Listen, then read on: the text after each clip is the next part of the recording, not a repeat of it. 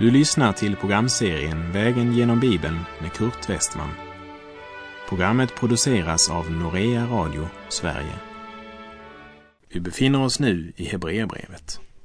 Slå gärna upp din bibel och följ med.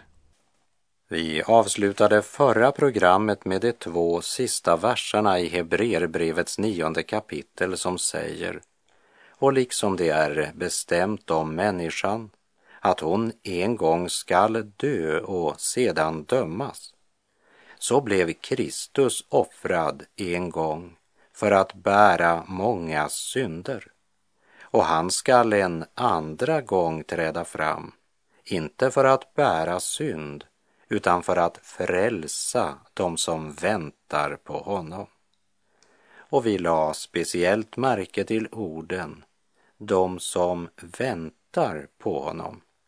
Du tillhör väl den skaran som väntar på honom. Kapitel 9 avslutas med löftet om att Kristus en andra gång ska träda fram, inte för att vara ett offer för våra synder, men som frälsare för dem som väntar på honom. Och här står orden de som väntar på honom mycket centralt. Det gör klart för oss att det är inte alla som bekänner sig som kristna som verkligen har mottagit Kristus och lever i trons förväntan. Och i sin bergspredikan sa Jesus i Matteus 7.21 inte ska var och en som säger Herre, Herre till mig komma in i himmelriket utan den som gör min himmelske faders vilja. Jesus ska komma igen. Vid sin himmelsfärd gav Jesus detta löfte till sina efterföljare. Men när den helige Ande kommer över er ska ni få kraft och bli mina vittnen i Jerusalem och i hela Judeen och Samarien och ända till jordens yttersta gräns. Och så står det i Apostlagärningarna 1, vers 9 till och med 11. Då han hade sagt detta såg de hur han lyftes upp och ett moln tog honom ur deras åsyn. Medan de såg mot himlen dit han for upp, se, då stod två män i vita kläder hos dem och de sade Ni män från Galileen, varför står ni och ser upp mot himlen? Denne är Jesus som har blivit upptagen från er till himlen. Han skall komma igen på samma sätt som ni har sett honom fara upp till himlen. Och Hebreerbrevets nionde kapitel avslutas med orden så blev Kristus offrad en gång för att bära många synder. Och han skall en andra gång träda fram, inte för att bära synd, utan för att frälsa dem som väntar på honom. Jesu återkomst går som en röd tråd genom hela Nya testamentet. Och det är inte så att vissa Guds barn blir med medan andra av Guds barn inte blir med. Alla som tillhör Kristus blir också med när han kommer för att hämta dem som väntar på honom. Men det är inte alla som säger sig tillhöra Kristus som tillhör honom. Och det är en allvarlig sanning som vi måste se närmare på eftersom konsekvensen är evig. Samtidigt måste vi erkänna att det är ingenting den fallna människan är så rädd för som sanningen. Magnus Malm, han uttryckte det så här. Att belysa det med Guds ord kan avslöja tankefelet förutsatt att vi öppet söker sanningen. Ofta är det dock just den förutsättningen som saknas eftersom vi hellre söker en snabb utväg ur en smärtfylld situation än sanningen om varför vi har hamnat där. Jag vill på det allra varmaste rekommendera boken I Lammets tecken av Magnus Malm. Köp den, studera den omsorgsfullt och ge den vidare till andra. Det är en profetröst i vår tid. Köp boken I Lammets tecken och ta vara på dess budskap. Den fallna människan har en inbyggd ovilja mot att nämna våra personliga synder vid sina rätta namn. Istället gör vi en analys och hittar en ursäkt för vår synd. Ja, ja, ja, jag skulle ju aldrig ha handlat så om det inte hade varit för att... Eh, eller också säger vi, ja, jag, jag var ju inte riktigt mig själv. Sådana kommentarer är ju ett briljant sätt att undgå att lära känna sig själv. För den sanningen kan ju bli nog så obekväm. Munken och författaren Thomas Merton skriver Det är utmärkande för predokristendom att den samtidigt som man gör anspråk på att vara rättfärdiggjord av Gud genom tron eller genom tron och trons gärningar i grunden fungerar som en maskin för att ursäkta synd istället för att bekänna och förlåta den. En maskin för att producera känslan av att man själv har rätt och alla andra har fel.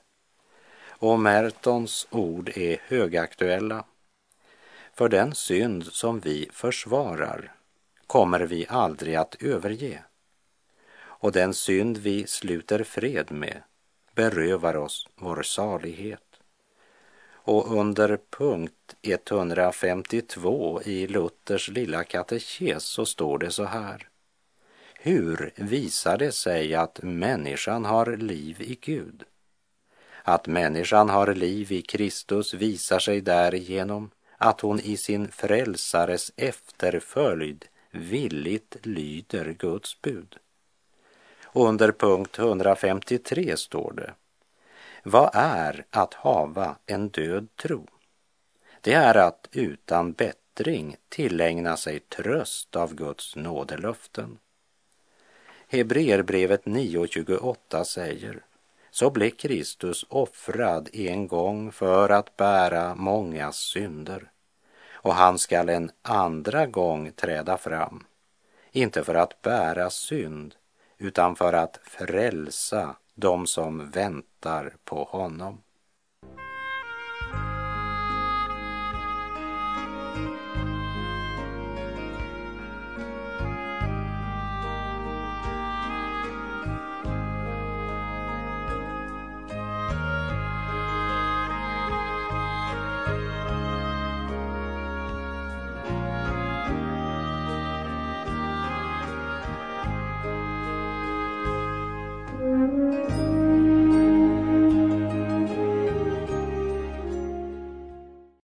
Och med det så har vi kommit till Hebreerbrevets tionde kapitel som är en direkt fortsättning på det som sagts i kapitel 9 angående offret.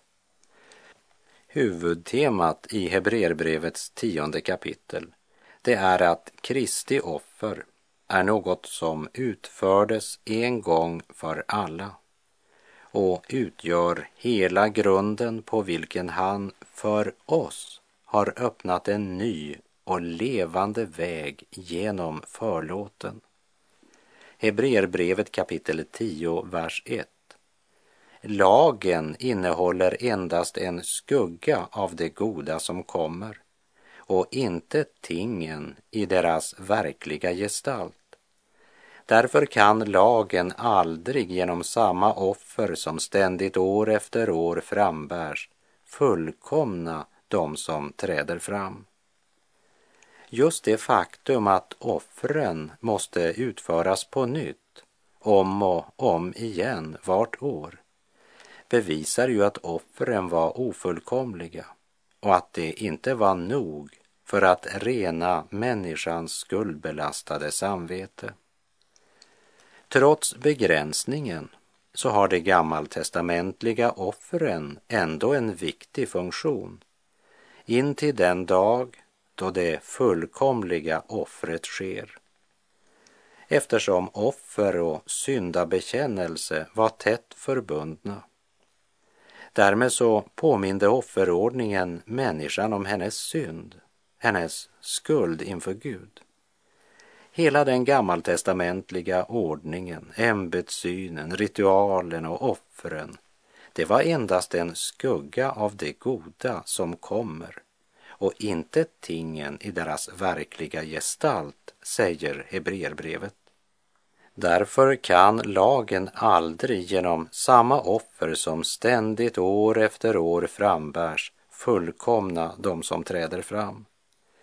De gammaltestamentliga offren kunde inte förvandla deras inre. Lagen kunde aldrig genom samma offer som ständigt år efter år frambars fullkomna de som träder fram. Vi läser Hebreerbrevet 10, vers 2. Skulle man inte annars ha upphört att offra? Det som förrättar offertjänsten skulle ju då redan en gång för alla ha blivit renade och inte längre haft några synder på sitt samvete. Alla offren, ritualen och prästens tjänst, det var allt en skugga. Och det hade sin stora betydelse under det gamla förbundet.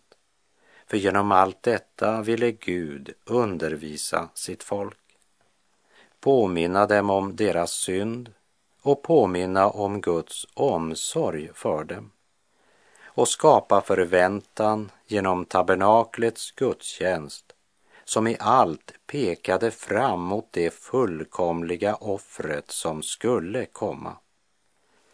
Hade offren i det gamla testamentet kunnat rena dem från synden så hade ett offer varit nog. Men nu måste det utföras om och om igen. Men Israels religiösa ledare, de hade blivit så upptagna av templet och av prästämbetet och av ceremonierna. Kanske var det därför nödvändigt att Jerusalems tempel blev ödelagt några år efter att Jesus dött försoningsdöden på korset. När Kristus dött och uppstått och intagit platsen på Faderns högra sida så var det inte längre behov varken för tempel eller tabernakel, altare, skrud eller religiösa ritual. Men under det gamla förbundet så skulle allt detta utföras för att påminna om rättfärdighetens sol som skulle komma och den stora försoningsdagen med sitt årliga offer skulle påminna folket om deras synder. Tabernaklet och dess gudstjänst var föreskriven av Gud. Så låt oss aldrig förakta den gammaltestamentliga gudstjänsten, men samtidigt inse att vi i Kristus har en ny och levande väg till gemenskap med Gud. Vi läser Hebreerbrevet 10, vers 3 och 4. Men nu ligger i dessa offer en årlig påminnelse om synder. Ty det är omöjligt att tjurars och bockars blod skulle kunna utplåna synder. Så vad dessa offer gjorde, det var att påminna Israels barn om att dessa offerordningar var ofullkomliga. Eljest hade de ju inte behövt upprepas varje år. Offren var bara en skugga av den verklighet som en dag skulle fullborda människans frälsning. Genom blodet från tjurar och bockar kunde Gud lämna ostraffade de synder som begåtts under det gamla förbundet.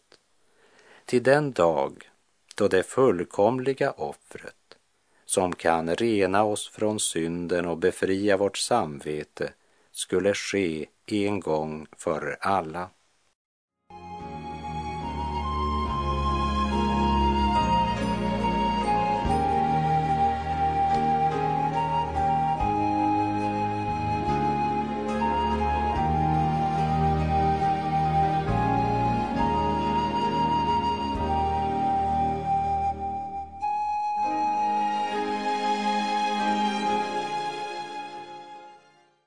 Vi läser i Hebreerbrevets tionde kapitel, verserna 5 till och med 10. När Kristus träder in i världen säger han därför Offer och gåvor begärde du inte, men en kropp har du berett åt mig. Brännoffer och syndoffer gladde dig inte. Då sade jag, se, jag har kommit, Gud, för att göra din vilja. I bokrullen är det skrivet om mig. Först säger han, offer och gåvor, brändoffer och syndoffer begärde du inte och gladde dig inte, fast det bärs fram enligt lagen. Sedan säger han, se, jag har kommit för att göra din vilja. Så upphäver han det första för att fastställa det andra. Och i kraft av denna vilja är vi helgade genom att Jesu Kristi kropp blev offrad en gång för alla. Med citat både från Saltarsalmen 40, Saltaren 110 och från Jeremia kapitel 31 proklameras nu att offrandet av Kristi kropp är den himmelska verklighet som den gammaltestamentliga gudstjänstens offer enligt Mose lag bara var en skugga av. Skuggan ska försvinna som daggen för solens varma strålar. Kristus har tagit plats som överstepräst och konung i den himmelska helgedomen. Och här på jorden utgör de som tror på honom ett utvalt folk, ett heligt folk, ett konungsligt prästerskap. Genom att Gud blev människa är vi helgade åt Herren då han en gång för alla bar fram sin egen kropp som ett fullkomligt offer för dina och mina synder. Han kommer inte mer ihåg vår synd och missgärning och därför att han har tagit bort vår synd genom sitt offer behövs det inte mer något offer för synd. Det behövs inte heller någon människa som för mig går in till altaret eftersom jag i Jesu blod själv har tillträde inför Guds tron. Det fullbordade frälsningsverket är det som ger oss frimodighet att gå in i helgedomen, in till nådens tron för att få barmhärtighet och finna hjälp till rätt tid. När förlåten i templet rämnade uppifrån och ända ner så blev skiljemuren mellan Gud och människan riven ner. Fiendskapen är borta och fredspakten undertecknad. Och om vi tar emot honom genom omvändelse och tro så ger han oss rätten att vara Guds barn och det sker en nyskapelse i våra hjärtan. En nyskapelse som bygger på återlösningen genom Jesu blod. Det är kristendom. Erling Rud säger då Kristus frivilligt förnedrade sig själv var det efter en överenskommelse med Fadern för att tjäna Faderns vilja med sin kropp. Och orden men en kropp har du berett åt mig, är ett profetiskt uttryck för att han utgav sig själv genom att anta en tjänares gestalt då han blev människa, som det står i Filipperbrevet 2. Och det är grundtonen i det tionde kapitlet i Hebreerbrevet. Kristus liv är inte en reparation av den gamla människan det är en på nytt födelse i kraft av Kristi försoning. Och den nyskapande kraft, den sker när vi hör budskapet om Jesus och den helige Ande får smörja trons öga så att vi ser honom. Vi läser Hebreerbrevet 10, vers 11 till och med 13. Alla andra präster står dag efter dag och förrättar sin tjänst och bär gång på gång fram samma offer som aldrig kan ta bort synderna.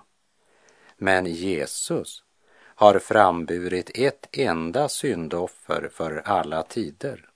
Och han har satt sig på Guds högra sida och väntar nu på att hans fiender ska läggas som en fotpall under hans fötter. Kristus bar fram ett enda offer. Och han har nu satt sig på Faderns högra sida. Och nu väntar han bara på hans fiender ska läggas som en fotapall under hans fötter. Vi kan säga att Kristus hade två sorts fiender. Den ena sorten, det är alla människor som lever i synd, otro, förakt och likgiltighet för Gud.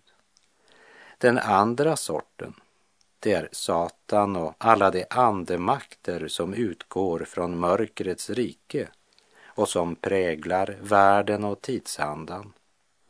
Därför skrev Paulus till de troende i Efesus i Efeserbrevet 6, vers 12. Ty vi strider inte mot kött och blod, utan mot furstar och väldigheter och världshärskare här i mörkret, mot ondskans andemakter i himlarymderna. Kristi försoningsverk är fullbordat. Satan och döden är besegrade. Men på jorden är ännu inte alla Kristi fiender lagda under hans fötter. Synden och Satan härjar ännu här nere.